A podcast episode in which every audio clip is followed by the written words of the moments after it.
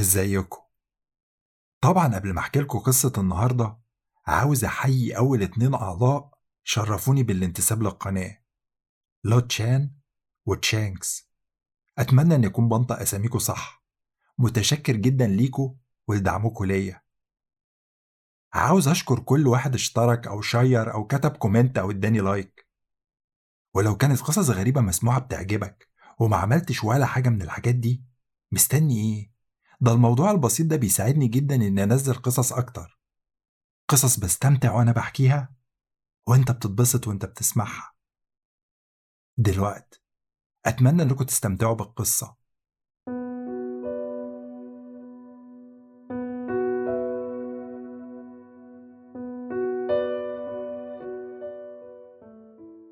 كل يوم الفجر مهما كانت حالة الجو الصفار بيتمشى في شارعنا وهو بيصفر بصوت واطي.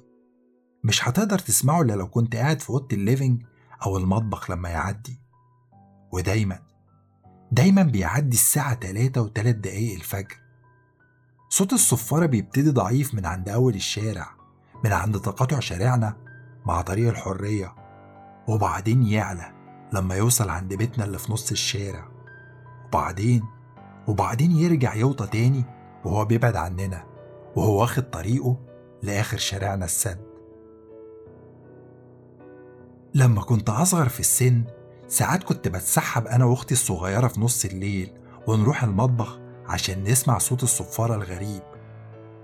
طبعا والدي ووالدتي ما كانش بيعجبهم الموضوع ده. لما كانوا بيقفشونا كنا بنقع في مشكلة كبيرة. بس الحقيقة عقابهم لينا ما كانش بيبقى جامد. عشان هم عارفين كويس. عارفين كويس إن إحنا طول عمرنا ملتزمين وعمرنا ما كسرنا القاعدة الكبيرة القاعدة الوحيدة. حسكوا عينكوا تبصوا بره لما الصفار يعدي. الحي بتاعي حي غريب عشت فيه من وقت ما كان عمري ست سنين.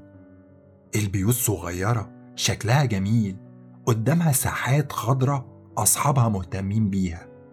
وفي أماكن كتير ممكن الواحد يلعب ويتمشى فيها. وفي أولاد كتير في نفس سني أولاد لعبت وكبرت معاهم. الصراحة مكان جميل مكان مناسب إن الواحد يقضي طفولته ويكبر فيه. أكتوبر اللي فات عمري بقى 13 سنة. وصلت للسن اللي ممكن ألاحظ فيه ألاحظ فيه الحاجات الغريبة اللي بتحصل في الحي بتاعي. أو بالأصح الحاجتين الغراب الحظ السعيد وصوت الصفارة بالليل. صوت الصفارة عمره ما أزعجني ده حتى ما بيوصلش لأوضة نومي زي ما قلت لك قبل كده. بس والدي ووالدتي ما بيحبوش يتكلموا عنه وعشان كده بطلت أسأل أسئلة. والدي راجل طويل قوي وشخصيته هادية لهجته غريبة عشان اتنقل لبلدنا من بلد تانية لما كان صغير. أسرته اللي هم جدي وجدتي من مكان اسمه الجزر الغربية. أيوة هم كانوا مسمين المكان كده. والدي الوقت الوحيد اللي بيفقد هدوءه فيه لما الصفار بيعدي بيبتدي يتكلم أسرع وعينيه بتتحرك في كل مكان. بيقول لنا ما نفكرش في الموضوع بيقول لنا إننا لازم نفتكر حاجة واحدة بس القاعدة. القاعدة الوحيدة القاعدة الكبيرة. حسكوا عينكوا تبصوا بره لما الصفار يعدي. وإحنا إحنا أصلا ما كناش نقدر نبص حتى لو حبينا. الشبابيك كان عليها ظرف حديد من جوه ظرف بتتقفل بمفتاح. والدي كان كل يوم بالليل يقفل الظرف دي قبل ما ندخل ننام ويشيل المفتاح معاه في أوضته. بالنسبة لوالدتي أنا معرفش هي شعورها كان إيه بالظبط بالنسبة لموضوع الصفار. بس كنت بشوفها. كنت بشوفها قاعدة في أوضة ال living قبل الساعة 3 الفجر بدقايق قبل ما الصوت يبتدي. كنت بشوفها لما بفتح باب أوضتي فتحة صغيرة وأبص منه. آه ما كانتش بتبقى موجودة دايما بس على الأقل كانت بتبقى قاعدة مرة أو مرتين في الشهر. قاعدة على كنبة ال living الحمرا الكبيرة بتسمع. بتسمع الصفار وهو بيصفر نفس النغمة كل يوم. نفس النغمة المبهجة. نفس النغمة السعيدة.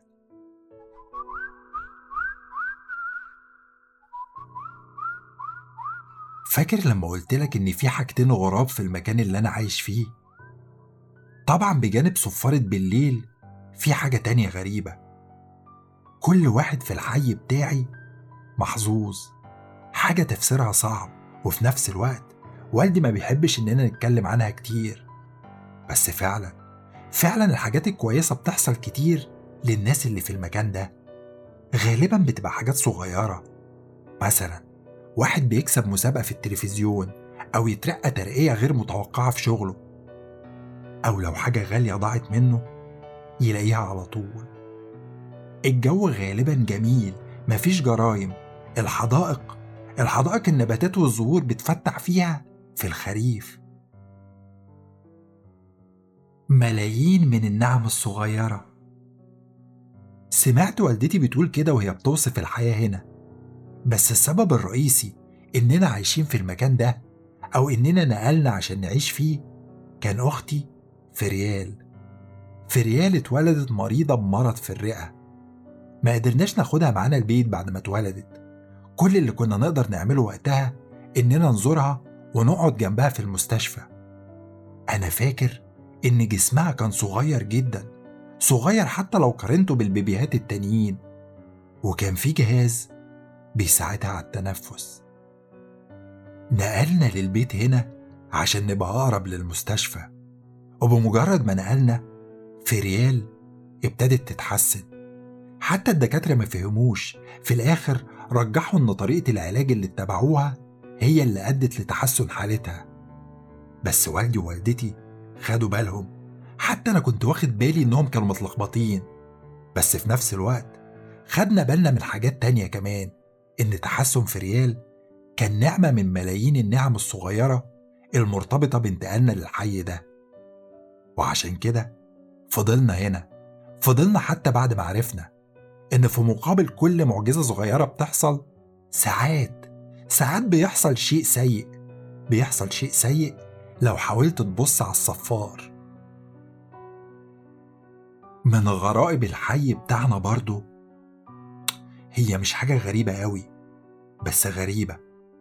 الحي بتاعنا عنده لجنة ترحيب. لجنة الترحيب بتظهر مع صينية مكرونة بشاميل وطبق لحمة محمرة وسلة فواكه وملف أسود كبير لما ساكن جديد يتنقل للحي وبيكونوا ودودين جدا. من سبع سنين أربع أشخاص من لجنة الترحيب جم يزورونا لما نقلنا للحي. رحبوا بينا وادوني بار شوكولاتة سنيكرز وبعدين ابتدوا يشيلوا في ريال بالدور. طبعا كانوا واخدين بالهم جدا عشان هي ما كانتش بقالها أسبوع خارجة من المستشفى. وبعدين؟ وبعدين اللجنة طلبت إنها تتكلم مع والدي ووالدتي على انفراد.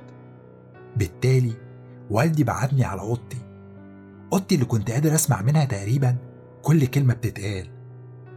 اللجنة بعد ما ابتدت تكلم والدي ووالدتي عن قد إيه الحي هنا جميل بشكل استثنائي بين قوسين يصعب شرحه ابتدوا يتكلموا عن الشيء اللي بين قوسين يستحيل فهمه.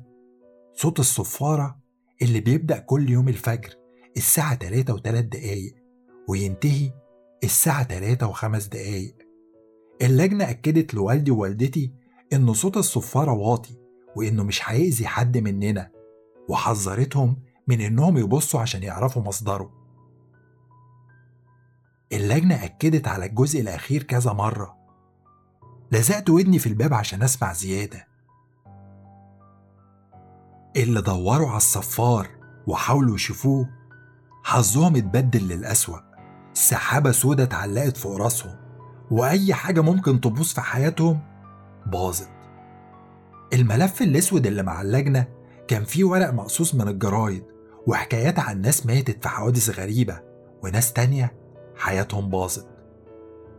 سمعت رئيس اللجنة وهو بيقول لوالدي مش كل الناس ماتت. في ناس فضلوا عايشين من غير حياة جواهم من غير نور عايشين كأنهم مش موجودين. والدتي. والدتي بقى ما خدتش الموضوع على إنه جد. فضلت تسألهم إذا كانوا بيهزروا ولا بيعملوا مقلب في جيرانهم الجداد لدرجة إنها في الآخر اتنرفزت واتهمتهم إنهم عاوزين يخوفونا عشان نسيب الحي لسبب ما. والدي اتدخل أنقذ الموقف هداها وقال لها إنه شايف إن الجيران بيتكلموا بإخلاص وإن هدفهم إنهم يساعدونا وقال لها إنه وهو صغير سمع عن حاجات زي دي من والدته.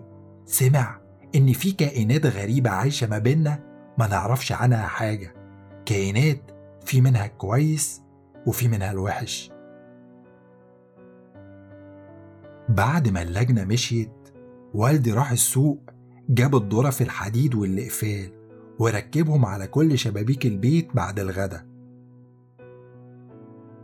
فأول ليلة في بيتنا الجديد اتسحبت وخرجت من أوضة نومي الساعة 3 الفجر عشان ألاقي والدي قاعد سهران على الكنبة في أوضة ال living وهو شايل أختي الصغيرة.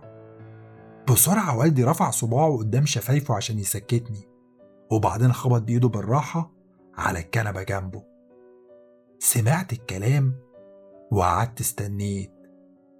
الساعة تلاتة وتلات دقايق بالظبط سمعنا صوت صفارة.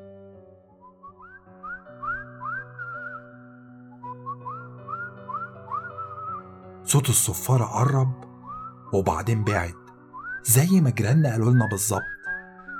من اليوم ده وإحنا بنسمع صوت الصفارة كل يوم بالليل وعمرنا عمرنا ما بصينا على مصدرها. وبالتالي استمتعنا بملايين النعم الصغيرة كل يوم. فريال بقت بتتنفس من غير مساعدة وكبرت وبقت بنت قوية وذكية.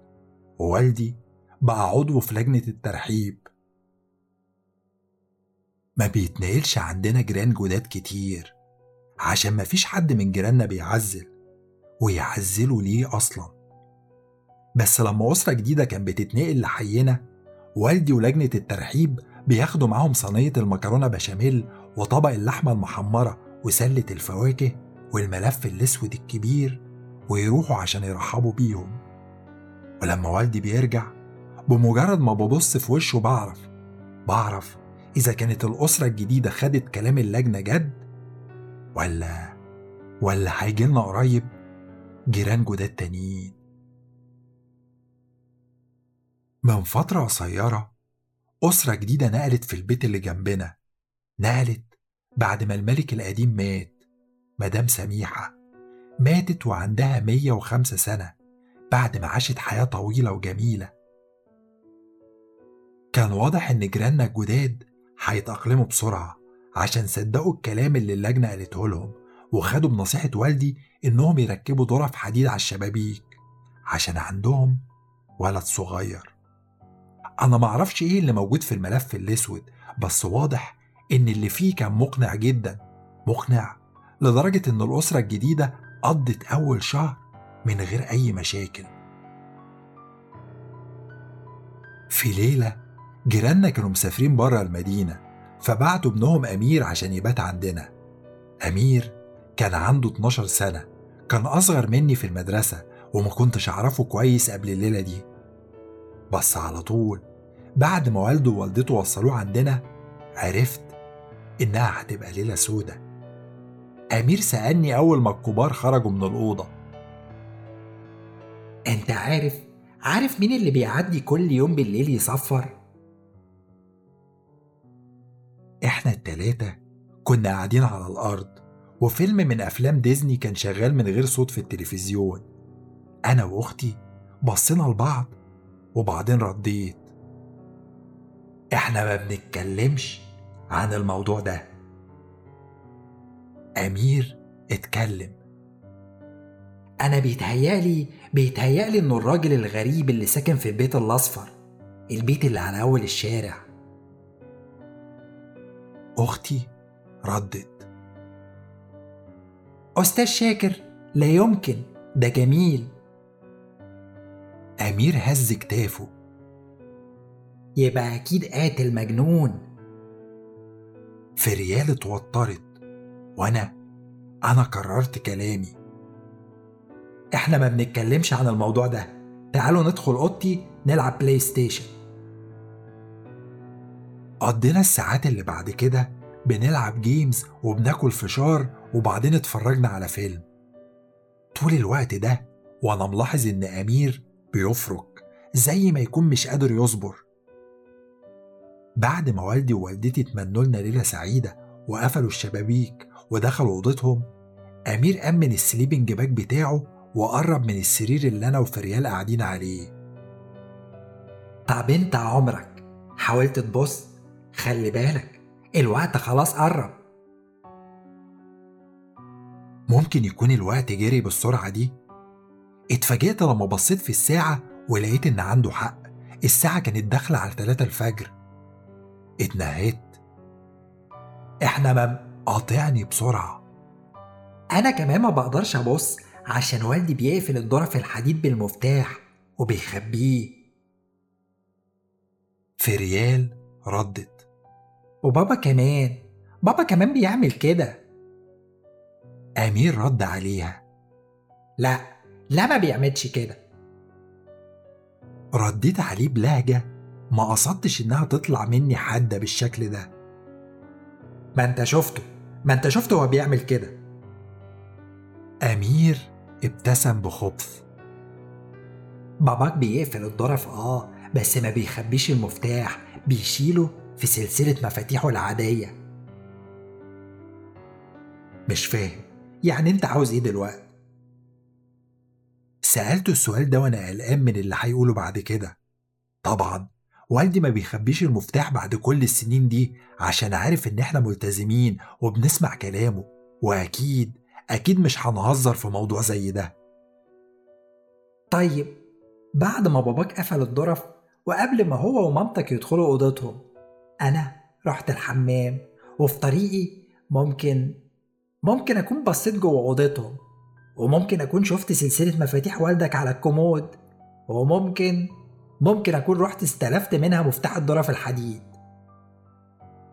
أنا وفريال بصينا له باستغراب وابتسامته بتوسع. بعد ثواني صرخت فيه. أنت بتكذب.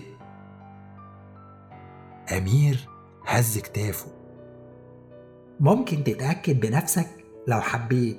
افتح باب أوضة باباك ومامتك وبص هتلاقي سلسلة المفاتيح على الكومود.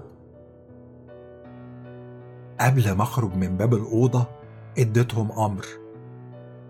محدش يتحرك من هنا لحد ما أجي رحت بسرعة على أوضة والدي. اترددت عند الباب. لو أمير بيقول الحقيقة والدي هيغضب. لا هيغضب إيه؟ يغضب دي كلمة قليلة جدا. مجرد تفكيري في الموضوع ده خلاني خاف بس طبعا مش قد خوفي من شباك مفتوح الصفار واقف براه. فتحت باب الأوضة فتحة صغيرة وبصيت ما شفتش حاجة الدنيا كانت ضلمة كحل. خدت نفس عميق ودخلت جوه الأوضة. بعد ما خدت خطوتين في الضلمة اتجمدت في مكاني. صوت الصفارة ابتدى. كنت سامع الصوت بوضوح من أوضة والدي. عمري ما كنت أعرف إنهم بيسمعوا الصوت بالوضوح ده من أوضتهم. لو أنا لو أنا كنت مكانهم عمري ما كنت هعرف أنام. فضلت واقف في مكاني وأنا سامع صوت الصفارة بيقرب. ما كنتش عارف أولع النور ولا نادي على والدي ولا أعمل إيه بالظبط. أصوات واطية جت من أوضة ال living فوقتني. همست وأنا خارج جري من أوضة والدي ووالدتي. فريال! أمير وفريال كانوا واقفين عند الشباك جنب باب المدخل. أمير ما كانش بيكذب. شفته وهو ماسك قفل ضرفة الشباك الحديد وبيلعب فيه. وبعدين؟ وبعدين سمعت صوت الكليك. كان فعلا معاه المفتاح. أمير ابتسم بسرعة فريال كانت واقفة جنبه وعينيها واسعة من الخوف بس في نفس الوقت كان الفضول مليهم. الصفار كان بيعدي من قدام بيتنا دلوقت. بيتهيألي إني صرخت أو ناديت مش فاكر بالظبط زي ما يكون الزمن اتجمد عقارب الساعة اتسمرت في مكانها. لقيت نفسي بتحرك من غير ما أحس. أنا عمري ما كنت سريع أو رياضي بس رغم كده قطعت المسافة اللي ما بيني وبين فريال في ثانية. عينيا كانت متركزة عليها في نفس اللحظة اللي وداني كانت سامعة صوت تزييق المفصلات وأمير بيفتح ضرفة الشباك الحديد. تزييق المفصلات اللي كان مختلط بصوت الصفارة اللي بقى دلوقت جاي من قدام الشباك بالظبط. حطيت إيدي حوالين فريال ولفتها بسرعة عشان تبقى بصالي عشان تبقى بصة بعيد عن الشباك. في نفس اللحظة قفلت عينيا. صوت الصفارة سكت حسيت بجسم فريال وهو بيترعش بين إيديا. اوعي تبصي اوعي تلفي. طبعا دلوقت إحنا كنا واقفين وفريال بص على الطرقة اللي ورايا. وأنا أنا عينيا المقفولين كانوا في مواجهة الشباك المفتوح. حسيت براسها بتخبط في كتفي وهي بتهزها. مديت إيدي بالراحة وأنا بدور على أمير. إيدي لمست دراعه كان بيترعش أكتر من فريال همست. أمير. صمت. حركت إيدي وأنا بدور على مكان الشباك وعينيا لسه مقفولة. الإزاز كان بارد تحت أطراف صوابعي بارد جدا بالنسبة للوقت ده من السنة. حركت إيديا لجنب الشباك وأنا بدور على الضرف عشان أقفلها وأنا بحاول. بحاول على قد ما أقدر إني ما أفكرش في الشيء اللي ممكن يكون واقف على الناحية التانية. وأخيرا مسكت الضرفة وقفلتها. فتحت عينيا عشان أشوف أمير في الضوء الضعيف اللي جاي من المطبخ. كان وشه أصفر وبيترعش وهو لسه بيبحلق في الشباك اللي بقى مقفول دلوقت. ناديت عليه تاني. أمير لف وبص ناحيتي. و وصرخ. كل حاجة حصلت بسرعة بعد كده. النور نور في الطرقة وبعدين في أوضة ال living. صوت خطوات رجلين والدي ووالدتي تردد صداها على الأرضية الخشب. ما لفتش عشان أبص عليهم. عينيا كانت متركزة على أمير. وشه كان أصفر وكان عاضض شفته التحتانية لدرجة إن كان في خط دم سايل على دقنه. وكان كان بالل نفسه صوت والدي جه من ورايا وهو بيسأل. هو هو إيه اللي حصل؟ لفيت راسي بعيد عن أمير وبصيت لورا على والدي. أمير بص يا بابا. عمري ما شفت والدي خايف قبل كده في حياتي زي ما شفته خايف في اللحظة دي زي ما شفته خايف في الليلة دي. أقدم وأبشع خوف في التاريخ اتحفر على وشه. خوف الأب على أولاده. سألني أمير بس اللي بص هزيت له راسي. اتنهد ارتاح لدرجة إني حسيت إنه هيرقص من الفرحة. بس في اللحظة دي عينيه جت على أمير ووشه اتجهم. ممكن يكون حس بالذنب حس بالذنب عشان فرح لما عرف إن أمير هو الوحيد اللي بص الباب خبط. كلنا اتجمدنا. أمير أن ووالدتي همست. محدش هيفتح الباب. كانت واقفة على مدخل الطرقة. طول عمري كنت معتقد إنها شاكة في موضوع الصفار وإن بينها وبين نفسها عمرها ما كانت مصدقة إنه حقيقي وإنها كانت بتسمع كلام والدي عشان بتحبه. بس في الليلة دي كل ده اتغير. كلنا صدقنا إنه موجود. لاحظت إن والدي ووالدتي كانوا ماسكين سكاكين من المطبخ في إيديهم. الخبط رجع تاني. كان أعلى المرة دي. أمير همس. من فضلكم من فضلكم ما تفتحوش الباب. والدي راح له وحضنه جامد. ما تخافش مش هنفتح. مفيش أي حاجة هتدخل من الباب ده الليلة دي.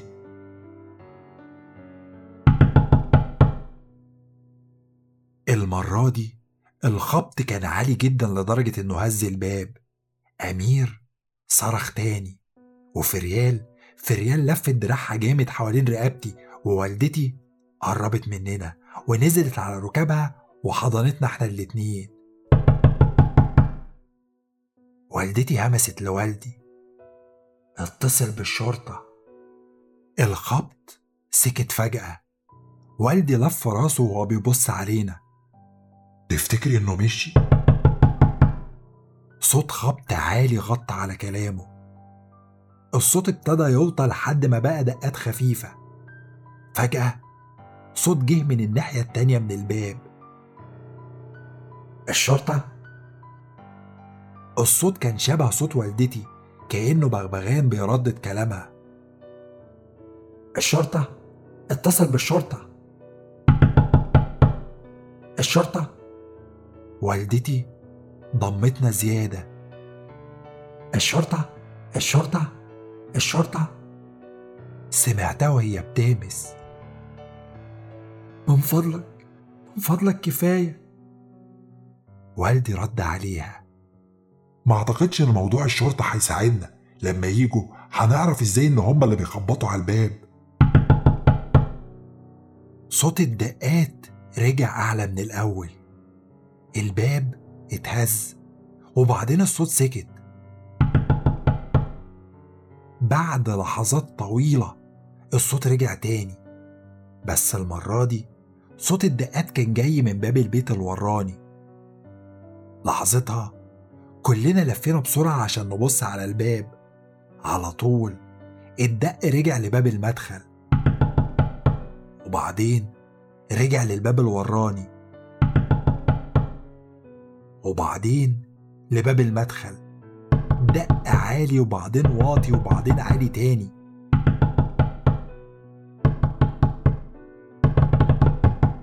وبعدين فجأة صوت الدق من البابين مع بعض. دقات قوية عنيفة زي ما تكون مطرقة بتخبط في الباب. وبعدين صوت نقر على كل الشبابيك مرة واحدة. وبعدين الحيطان. كنا كأننا قاعدين جوه طبلة عشرين واحد بيحاولوا يطبلوا عليها في نفس الوقت. أمير صرخ. كفاية. كل الأصوات سكتت فجأة. أمير بص على الباب. أنا مش هقول بوعدك بوعدك إن عمري ما هقول لأي حد على اللي شفته بس من فضلك من فضلك امشي. بعد حوالي دقيقة سمعنا صوت نقر على الشباك اللي أمير بص منه. أمير ابتدى يبكي زي ما يكون مسجون شايف مشنقته وهي بتتنصب من شباك الزنزانة بتاعته. والدي حضنه وطبطب على راسه. بس عمره ما كدب عليه عمره ما قال له إن كل حاجة هتبقى تمام. النقر على الشباك ما بطلش بقية الليل وإحنا إحنا فضلنا قاعدين مع بعض في أوضة الليفينج. في الآخر والدتي حاولت تدخلنا أوضتي ووالدي فضل قاعد يراقب الباب. بس في اللحظة اللي دخلنا فيها الأوضة الدق رجع تاني رجع جامد لدرجة إني خفت إن الباب ما يستحملش. أول ما رجعنا الليفينج الدق وقف وما فضلش غير النقر على الشباك.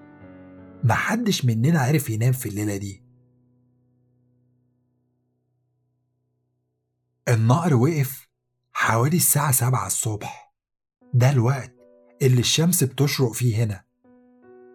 استنينا ساعتين وبعدين والدي فتح الظرف اللي على الشبابيك وبعدين خلانا كلنا نروح أوضته ونقفل على نفسنا. وبعدين سمعته وهو بيفتح باب البيت ويخرج. وبعدين وهو بيدخل منه تاني ويقفله. خلاص ما تقلقوش مفيش حاجة بره. والد ووالدة أمير رجعوا بعد الظهر على وقت الغدا.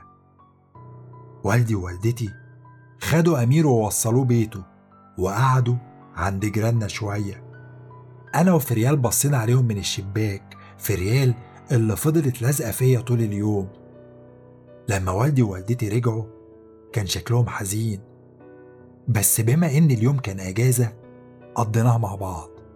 طلبنا بيتزا واتفرجنا على أفلام. في الليلة دي كلنا نمنا في أوضتي.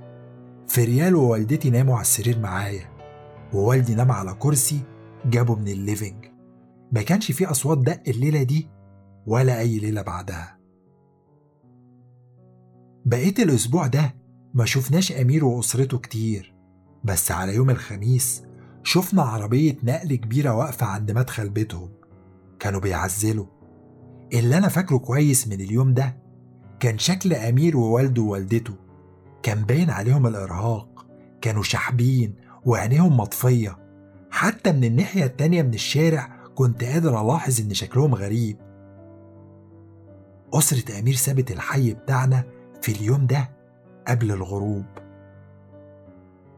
أنا فاكر إن لجنة الترحيب اللي رحبت بينا يوم ما نقلنا الحي قالت لوالدي إن مش كل اللي بيشوف الصفار بيموت بس حتى اللي بيعيشوا النور بينطفي من حياتهم وبيلازمهم سوء الحظ.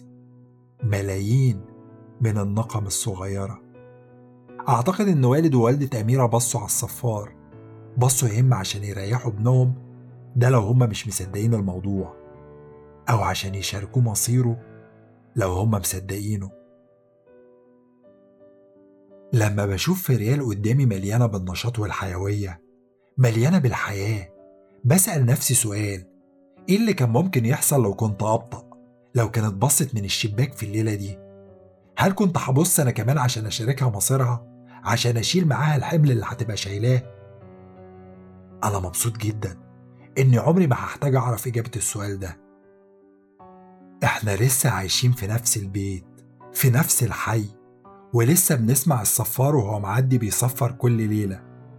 النعم والحظ والحاجات الكويسة الصغيرة الكتير اللي بتحصل صعب جدا إننا نمشي ونسيبها.